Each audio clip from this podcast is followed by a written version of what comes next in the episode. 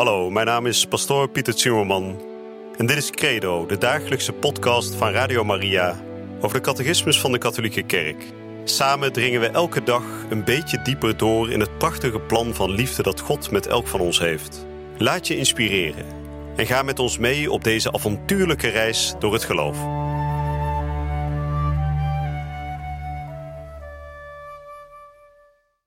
Vrienden, we zijn weer bij u terug met het programma Credo hier bij Radio Maria.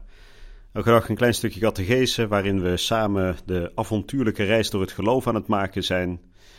We zijn inmiddels aanbeland bij het thema van de engelen. Een belangrijk thema, wat in onze tijd nogal eens verkeerd wordt verstaan. Heel internet staat vol met engelen en dan worden engelen vooral gezien als een soort lichtende energetische wezens die niet zoveel met het geloof te maken hebben, die niet zoveel met God te maken hebben, maar eerder een soort esoterische wezens die in het occultisme nog alles worden aangeroepen. Maar wij hebben het over andere engelen. Wij hebben het over heel welbepaalde wezens, namelijk engelen, geestelijke wezens, die door God zijn gewild en geschapen, en die net als de mens zijn behept met intelligentie en ook met een vrije wil. Dus in die zin lijken ze op de mens. En we gaan vandaag nog wat meer spreken over die engelen. Wie zijn ze en welke taak vervullen ze in dat grote goddelijke plan dat de Schepper met ons heeft? Nou, ik ga vandaag lezen de nummers 332 tot en met 336. Maar voordat we gezamenlijk die nummers gaan behandelen, wil ik zoals gebruikelijk openen weer met gebed. En ik zal vandaag bidden het gebed tot onze engelbewaarder, een gebed dat afkomt van de heilige Gertrudus de Grote. We zullen het voor dat gebed eerst even stilmaken van binnen.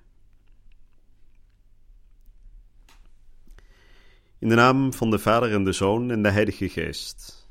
Amen. Gegroet, heilige engel Gods, bewaarder van mijn ziel en mijn lichaam.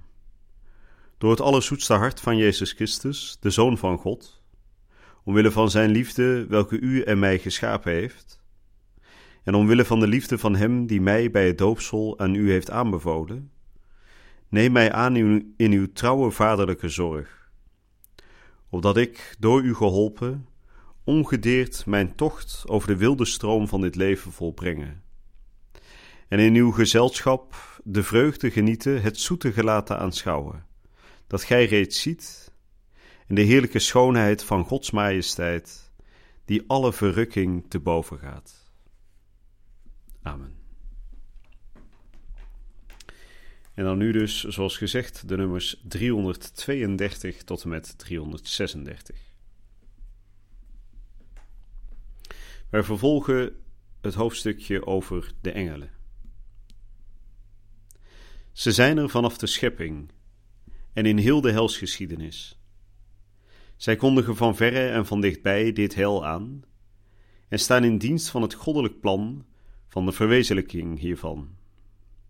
Zij sluiten het aardsparadijs, beschermen Lot, redden Hagar en haar kind, houden Abrahams hand tegen. Door hun dienstwerk wordt de wet meegedeeld. Zij leiden het volk van God. Zij kondigen geboorte en roepingen aan. Ze staan de profeten bij om maar enkele voorbeelden te noemen. Ten slotte is het de engel Gabriel die de geboorte van de voorloper en van Jezus zelf aankondigt. Vanaf de menswording tot de hemelvaart is het leven van het mens geworden woord omgeven door de verering en de dienst van de engelen. Wanneer God de eerstgeborene de wereld binnenleidt, zegt hij: Alle engelen Gods moeten hem hulde brengen hun lofzang bij de geboorte van Christus klinkt nog steeds door in de lofprijzing van de kerk, eer aan God. Zij beschermen Jezus' jeugd, dienen hem in de woestijn, sterken hem in zijn doodsangst, terwijl hij door hen uit de handen van de vijanden gered had kunnen worden, zoals eens Israël. Het zijn ook de engelen die evangeliseren, wanneer zij de blijde boodschap van de menswording en de verrijzenis van Christus aankondigen. Zij zullen er zijn bij de wederkomst van Christus die ze aankondigen, in dienst van zijn oordeel. De engelen in het leven van de kerk. Tegen deze achtergrond geniet heel het leven van de kerk de mysterieuze en machtige hulp van de engelen. In haar liturgie voegt de kerk zich bij de engelen om de drie, driewerf heilige God te aanbidden. Zij roept hun bijstand in, zoals in het In Paradisum deducante angeli van de begrafenisliturgie, of in de hymne van de cherubijnen in de Byzantijnse liturgie. En zij viert meer in het bijzonder de gedachtenis van bepaalde engelen, de engelbewaarders, de heilige Michael, de heilige Gabriel, de heilige Raphaël. Vanaf het begin tot de dood is het menselijk leven omringd door hun bescherming en voorspraak. Iedere gelovige wordt terzijde gestaan door een engel, om hem als een behoeder en herder naar het leven te leiden. Vanaf het aardse bestaan neemt het christelijk leven in het geloof deel aan de gelukzalige gemeenschap van engelen en mensen, verenigd in God. Nou, dat waren de nummers 332 tot en met 336. Even een korte herhaling van wat we gehoord hebben. Er worden een paar belangrijke punten genoemd over de engelen. Het eerste wat vandaag de catechismus noemt is dat ze er zijn vanaf de schepping en in heel de helsgeschiedenis. dat is belangrijk om dat te benadrukken. Dat betekent dus dat ze niet altijd bestaan hebben. Hè. Ze zijn niet net als God eeuwig. Alleen de Vader, de Zoon en de Heilige Geest zijn eeuwig. Die hebben altijd bestaan. En die zijn niet uh, op een gegeven moment pas in het leven geroepen, de engelen wel, hè, net als de mensheid. Dus ze zijn er vanaf het begin van de schepping. Het verschil tussen engelen en mensen is wel dat engelen eenmaal geschapen zijn in het begin van de tijd, in het begin van de schepping, en daarna ook nooit meer zijn gestorven.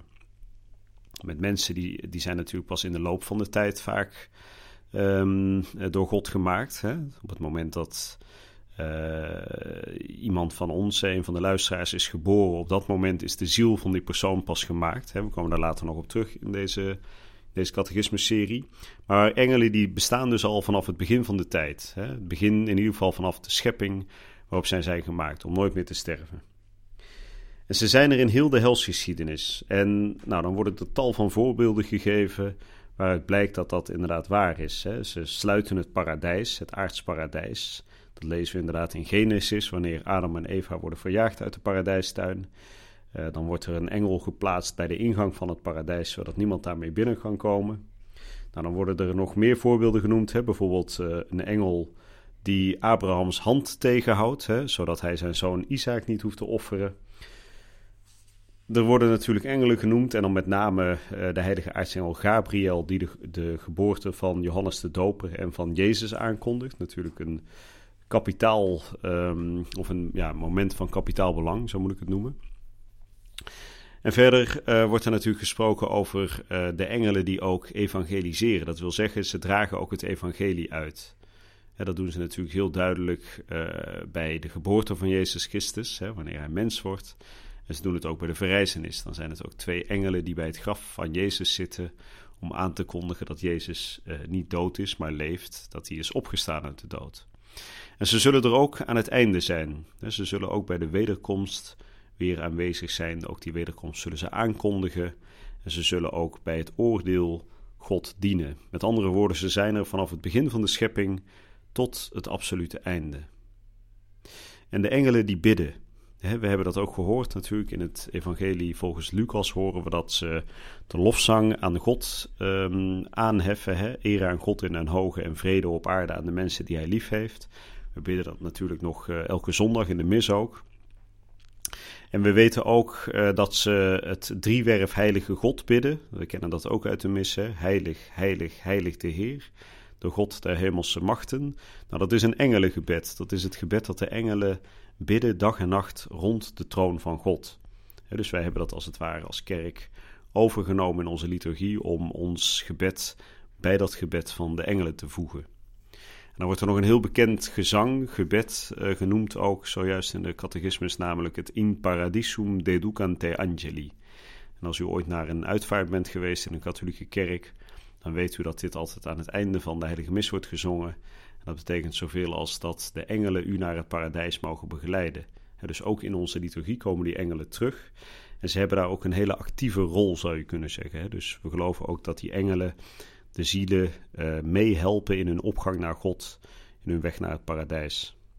En dan sluit de catechismus vandaag af, of in ieder geval de nummers die wij hebben behandeld, met te noemen dat wij ook allemaal persoonlijk een eigen engel hebben. Dat betekent dat we allemaal een engel hebben die God de hele specifieke opdracht heeft gegeven om ons bij te staan in dit leven. En we noemen dat wel de beschermengel of de engelbewaarder. Dat is hetzelfde. Dus een engel die God aan elk van ons heeft gegeven om, zoals de eh, catechismus het noemt, om behoeder en herder van het leven te zijn. Dus ons naar het leven van Christus, van God te leiden. Nou, tot zover het deel over de engelen. We gaan in de volgende uitzending spreken over de zichtbare wereld. Hè? Dus we hebben nou gesproken over de onzichtbare wereld die God heeft geschapen. Hè, engelen zijn doorgaans niet zichtbaar, hè, hoewel er natuurlijk uitzonderingen zijn geweest. Die we ook terug horen in de Heilige Schrift. Hè? Bijvoorbeeld Maria die de heilige aartsengel Gabriel ziet. Maar meestal zijn engelen niet zichtbaar. En morgen, of in ieder geval in de volgende uitzending, gaan we dus spreken over de zichtbare wereld. God is schepper van het zichtbare en het onzichtbare. Ik wens u een hele goede en ook hele gezegende dag toe. En ik hoop dat u uw engelbewaarder volop aanroept, zodat hij ook u mag begeleiden vandaag. Je luisterde naar Credo, de dagelijkse podcast van Radio Maria over de catechismus van de Katholieke Kerk. Credo is iedere werkdag te beluisteren op Radio Maria. Maar je kunt de afleveringen ook in je eigen tempo terugluisteren op onze website, in de app of op Spotify en de andere platforms. Via de website radiomaria.nl vind je dagelijks de link om de bijbehorende teksten uit de catechismus mee of terug te lezen. We zijn erg dankbaar voor alle giften die wij mogen ontvangen. Daardoor kunnen we ons goede werk blijven doen. Draag je ook bij aan deze missie?